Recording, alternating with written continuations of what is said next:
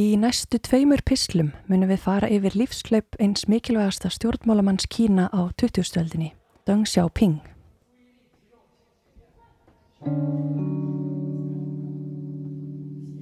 Ég heiti Þorgerður Anna Björnsdóttir og þú ert að hlusta á hlaðvarpið í Östurvegi.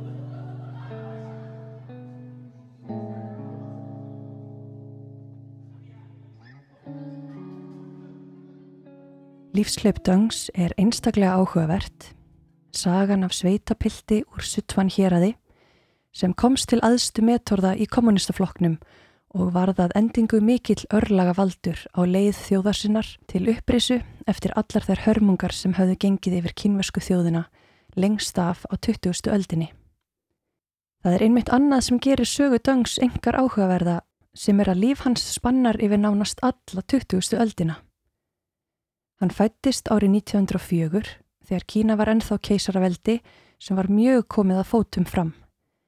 Hann lést árið 1997 en þá var Kína að mörguleiti þöks í honum, risið upp úr öskustó erfiðrar fortíðar og byrjaði að feta sig á vaksandi hraða inn í nútíman, þróun sem ekki sér fyrir endan á. Saga Deng Xiaoping speiklast því á skemmtilegan hátt við sögu Kína á 20. öldinni og eftir því sem leið á varð hann þáttakandi og áhrifavaldur í örlögum sinnar þjóðar. Kæri hlustandi, þetta er sagan af Deng Xiaoping.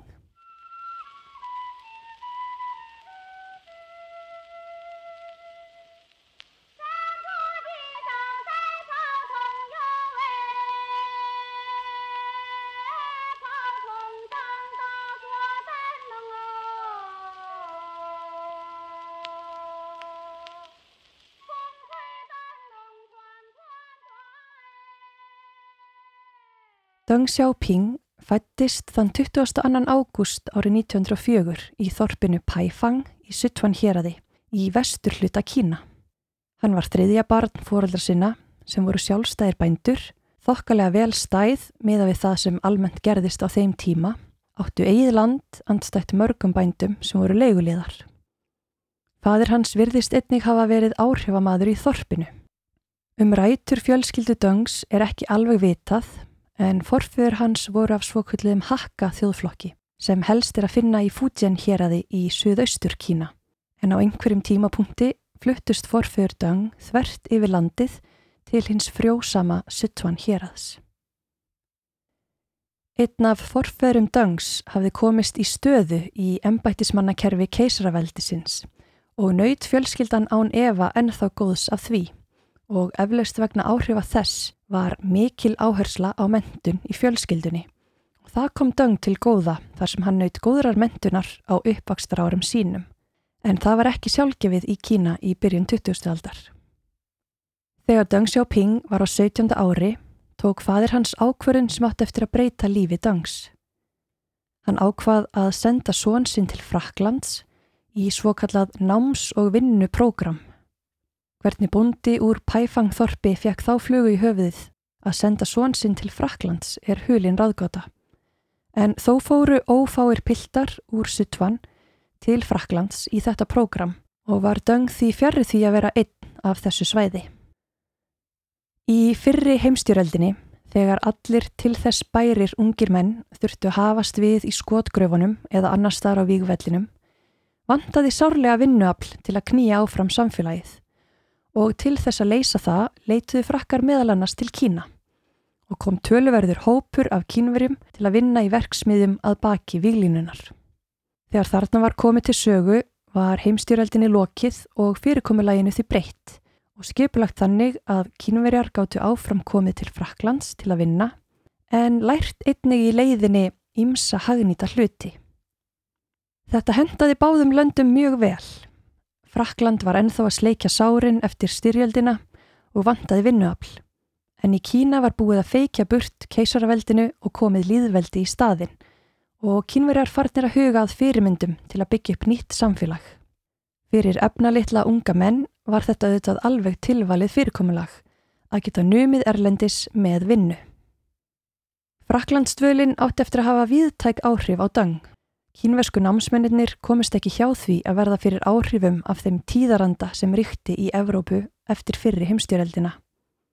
Mikil gerjun var í gangi á hennu pólitiska sviði og auðvitað nýr þáttakandi, bolsivikar í Rúslandi, komnir til valda og sögðust vera byggja upp land þar sem allir væru jafnir og búið væri að leysa vandamál sem lengi hafði hrjáð mannkinn sem var almennt óréttlæti og hjálparleysi smælingja hvers samfélags. Fyrir kínverja í Fraklandi sem leitandi voru að fyrirmynd fyrir sitt unga líðveldi var hreint ekkert óðililegt við að veita þessari stefnu aðtikli. Ekki er alveg ljóst á hvaða tímapunkti í Fraklandsdvölsinni dangerðist kommunisti en fljótlega fór hann að sinna félagsstarfi meðal vinstri sinnara námsmanna og gerðist réttstjóri tímarits kínverskra kommunista í Fraklandi, Rauða ljósið, sem dreifðu hugssjóna eldi byltingarinnar. Annað sem hafði áhrif á döng var dvölinn sjálf í Evrópulandi. Þrátt fyrir hann gerði sig grein fyrir takmörkum kapitalísks samfélags, átti hann setna meir eftir að leita til þess skipulags fyrir þjóð sína til að komast úr öngstræti kommunísks áætlunarbúskaps síðar á lífsleiðinni. Dvölinn kendi honum að meta margt í frönsku samfélagi sem gerði honum eflaust auðveldara að kúvenda algjörlega síðar meir þegar komað samskiptum Kína við umheiminn. Eitt enn skal nefnt hér sem hafði áhrif á dang til lífstíðar en það var kunningsskapur hans við ímsa af þeim mönnum sem átti eftir að fylgja honum eða hann þeim í gegnum langa og köplum stormasama vegferð kínveskra kommunista í leið þeirra að völdum og eins þegar í valdastólana var komið. Þar ber helst að nefna Zhou Enlai, verðandi forsætis og utanríkisráð þeirra Kína til áratuga. Fraklandstvölin varð þó engan vegin eins og aða var stemt. Fljótlega fór að hrykta í stóðum þeirra samtaka sem sáu um að senda kínveska námsmenn til Evrópu og fjárhagslegur grundveldur brast.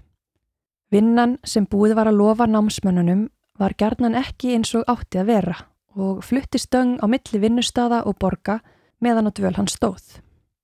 Undir lokin var hann komin á fullt í starf fyrir reyfingu kínveskra kommunista í Fraklandi og þurfti hann að fara huldu höfði vegna skoðana sinna. Eftir um sex ára dvöl í Fraklandi, sem gerði meðal hann að stöng að marxista, var því næsta skref að fara til Moskvu og fræðast nánar um fyrirmyndaríkið. Enda ljóst orðið að Döng hafði yfir miklum skipulagshæfileikum að ráða og gæti orðið liðtækur í byltingunni í sínu heimalandi í framtíðinni.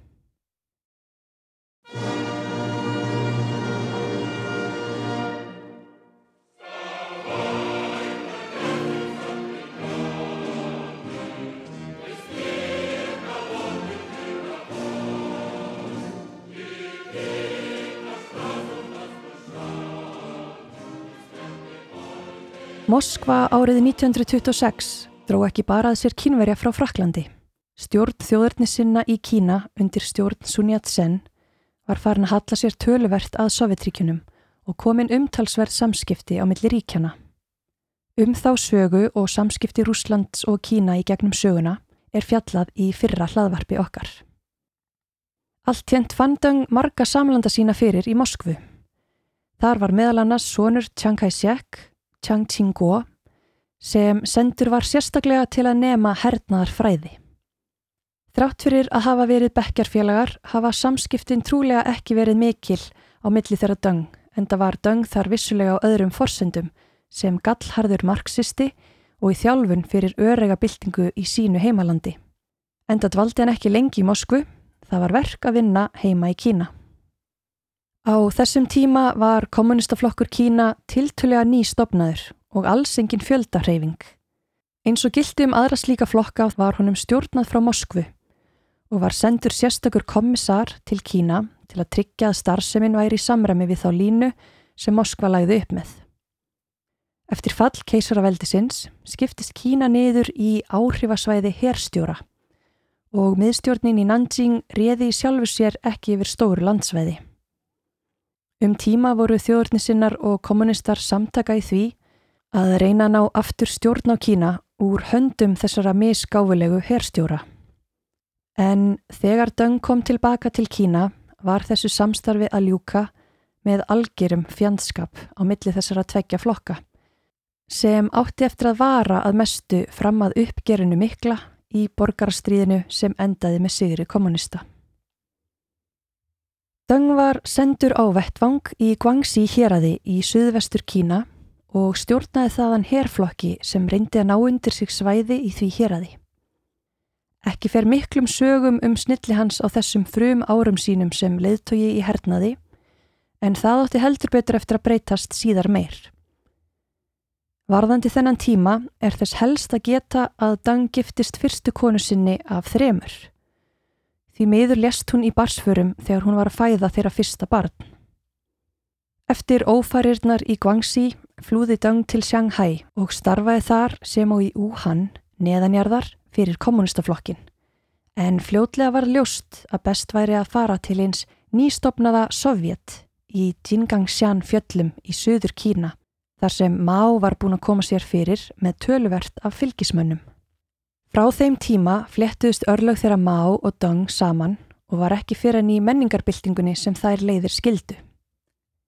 Í Jingangshan voru gerðar tilraunir með það sem kommunistar átti eftir að gera til að draga að fátæka bændur til liðs við málstæðin. Jarðnæði var skipt upp á milli bændana og einhvers konar vísir að nýjum samfélagssáttmála var dreyin upp.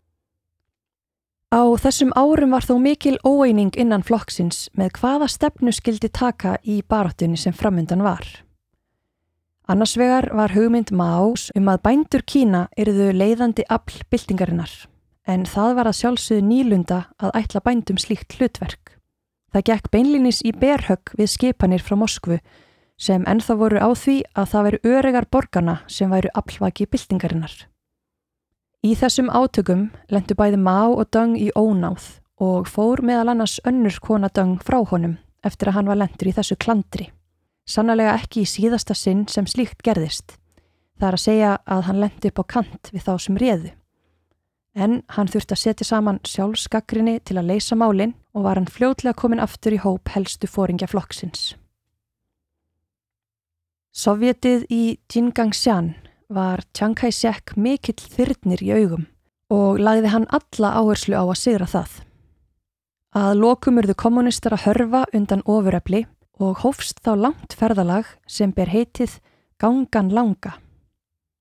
Í göngunni lungu sem í heildina var um 12.000 km laung og tók rúmlega eitt ár var farin hálfringur um Kína.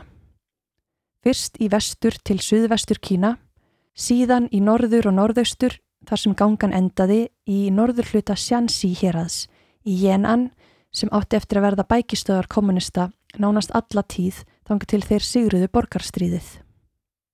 Í sögu kommunistaflokks Kína er þetta ferðalag mikilvægt fyrir margra hluta sakir.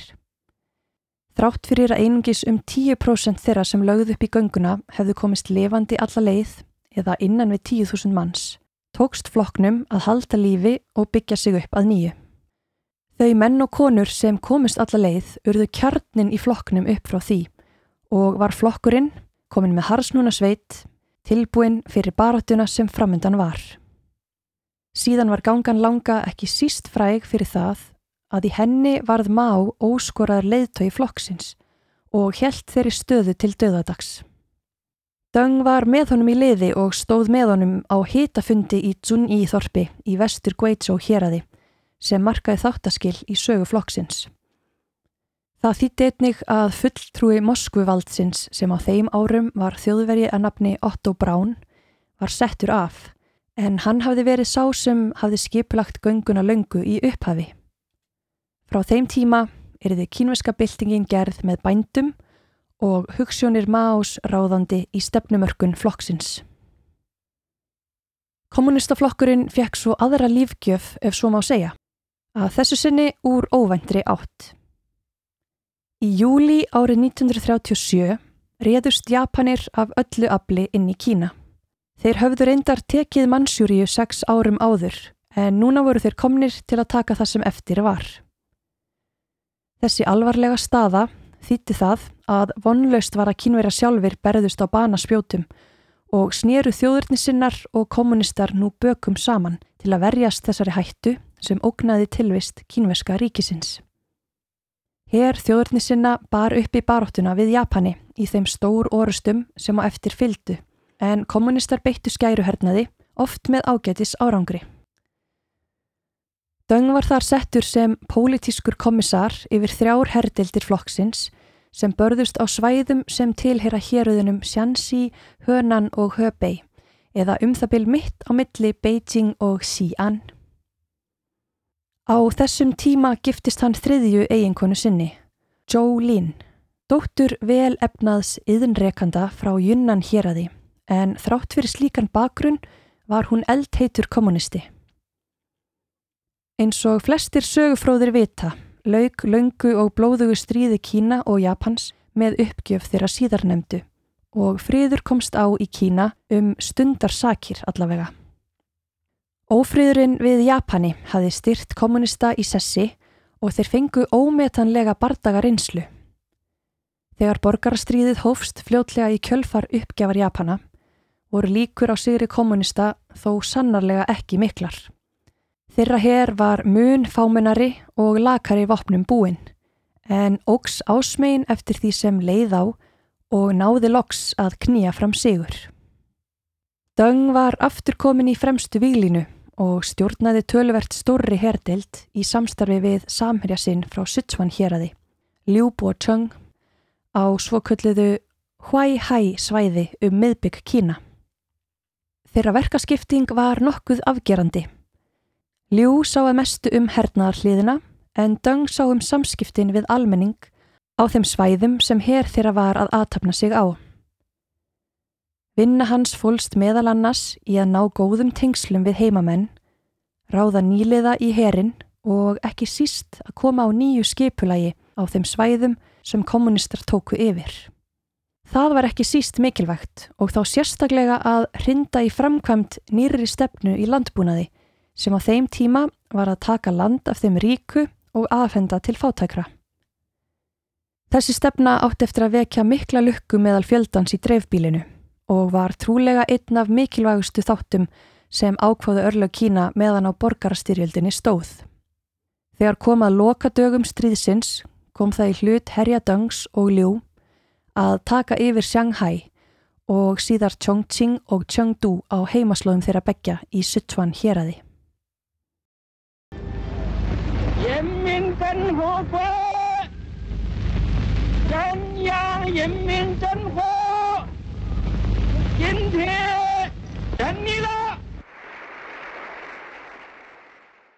Fyrsta oktober 1949 lísti Mao Zedong formlega yfir stopnun alþjóðlíðildisins Kína.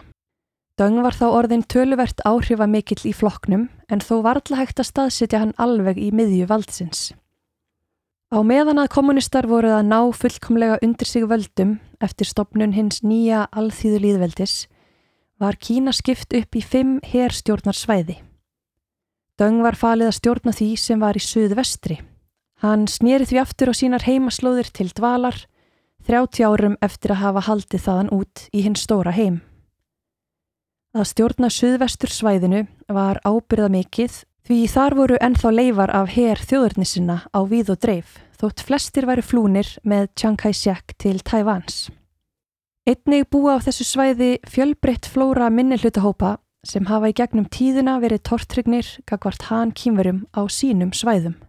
Síðast en ekki síst var Tíbet hluti af þessu svæði og var því komið undir hitt nýja alþýðu líðveldi að mestu leiti árið 1950 undir stjórn Döngs. Döng kom sér vel fyrir í Chongqing og hóf endurbyggingu borgarinnar en hún hafði orðið illa úti í sprengju árásum Japana í stríðinu. Stóð hann meðal annars að byggingu hins glæsilega ráðhús sem ennþá er borgarpríði í Chongqing. Hugsanlega hefur Má ekkert litist á blikuna hversu Döng var orðin stórtækur á sínu svæði og kallaði hann eftir um þryggjára dvöl í suðvestrinu til Beijing en þar átti hann eftir að dvelja það sem eftir var æfi sinnar ef undanur skili nokkur ár í menningarbyltingunni. Eftir að til Beijing kom tóku við mikilvæg störf á æðstu stöðum flokksins og ríkisins. Döng var hamleipa til verka og hafði mikla skiplagshæfileika sem Má var búin að taka eftir. Þrátt fyrir að hafa verið samherjar alla tíð höfðu þeir yfirleitt verið aðskildir í sameilegri baráttu en núna var Döng fluttur inn í Zhongnan Hai, vestur af forbónuborginni, þar sem aðstu stjórnendur Kína byggu og búa enn og hann orðin diggur þjótt Más formans. Döng varð aðstóðar fórsættisráþura og var að formaður fjármálanemdarinnar. Skömmu síðar varð hann fjármálaráþura og forstuðumadur skrifstofu fjarskiptamála. Árið 1954 let hann af þessum embættum nema staðgengilstöðu forsætisráþura til að verða framkvæmdastjóri miðstjórnar flokksins, forstuðumadur skiplagsskrifstofu flokksins og varaformaður hermála nefndarinnar.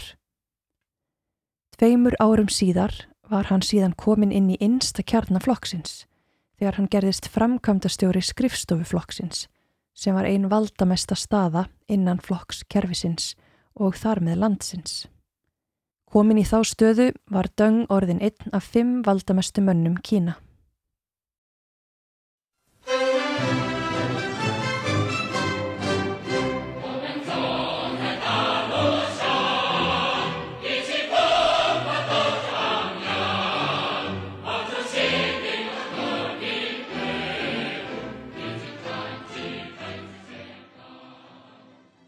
Fyrstu tíu ár alþýðliðveldisins fóru margt umfram væntingar.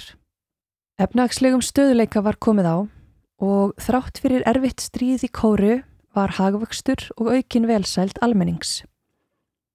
Vissulega var ekki skemmtilegt hlutskipti að vera brennimertur sem stór landegandi eða kapitalisti en almenningur sá fram á betri tíma eftir stríðshörmungar undangengina ára. En Adam var ekki lengi í paradís. Í kjölfar efnagslegrar velgengni töldu fórustumenn flokksins með má í fararbrotti að hægt væri að gera miklu betur og nútíma væða Kína mun hraðar. Nýri fimm ára áallun var því hrind úr vör með pompi og prakt sem kallaðist stóra stökkið fram á við. Með þessari nýju efnahagsáallin átti að virkja sveitirnar og dreifbílið til stórföldrar yðnaðar framleyslu. Slagorð eins og náum bretum og nálgumst bandaríkin segja allt sem segja þarf um hversu stórhuga þessar áallanir voru. Á þessum tíma var Kína ennþá meira og minna landbúnað ríki með þorra íbúana búsetta í sveitum landsins. Því miður fyrir kínverja reyndust þessar áallanir allar byggðar á sandi og niðurstaðan varð skelvileg hungursneið. Í stóra stökkinu var Döng orðin einn af aðstu mönnum landsins og ekkert bendir til annars en að hann hafi framfyllt þeirri stefnu af jafn mikill ákjæfð og aðrir leðtóar Kína. Hann var jú hamleipa til verka og ekkert ólíklegt að Má hafi innmitt fundist gott að hafa slíkan mann innan bors þegar þurfti að vinna stór verk. Eftir skjelvingar stórastöksins kom það í hlut Döngs og Liu Xiaoqi sem tók við af Mao sem fórseti Kína um stundarsakir að hreins upp skítin og koma atvinnulífinu aftur á stað. Dreyið var úr miðstýringu og mestu rótækninni í efnagslífinu. Bændum var leift að rekta eigin skika fyrir utan samirki búin og bónusar var teknir upp við eðinara framleiðslu. Miða við það sem síðar átti eftir að gerast er ekki ólíklegt að þetta fyrirkomulag hafi hugnast döng betur en það let hann einhver frægustu orð sín falla á þessum tíma. Þegar hann sagði að það skipti ekki máli hvort kötturinn væri svartur eða kvítur svo lengi sem hann veitti mís. Heimá, bæmá, dvala ásúða djósu hámá.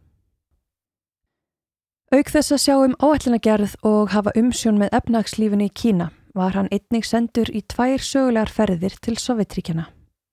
Önnur var árið 1956 til að taka þátt í flokksþingi kommunistaflokksins en einmitt á þessu flokksþingi helt Khrushchev sína frægu leiniræðu sem afhjúpaði glæpi Stalins. Það fór ekki vel í húsbondan í Beijing og má segja að það sé upphafið að kolonandi samskiptum Kína og Sovjetríkjana. Setni för Döngs til Moskvu var árið 1963 til viðræðina við Nikita Khrushchev. Á þeim tíma voru samskiptin orðin mjög styrð og var raunar ekki bjargað úr þessu, en það fóru þau niður í alkull eftir þetta. Deng þekkti vel til í Moskvu eftir dvöl þar sem ungur upprennandi byltingarmaður og því raukrétt að senda hann í þessar ferðir en hann gæti ekki bjargað sambandi landana til þess var gjáin orðin of mikil. Liu og Deng fengu ekki mikinn tíma til að koma Kína á réttan kjöl. Framundan voru miklir umróta tímar í kínversku samfélagi þar sem Deng þurfti að hafa sig allan við til að berjast fyrir sínu pólitíska lífi en við látum hér staðarnumið í byli en höldum áfram með sögu Deng Xiaoping og Kína í næsta þætti.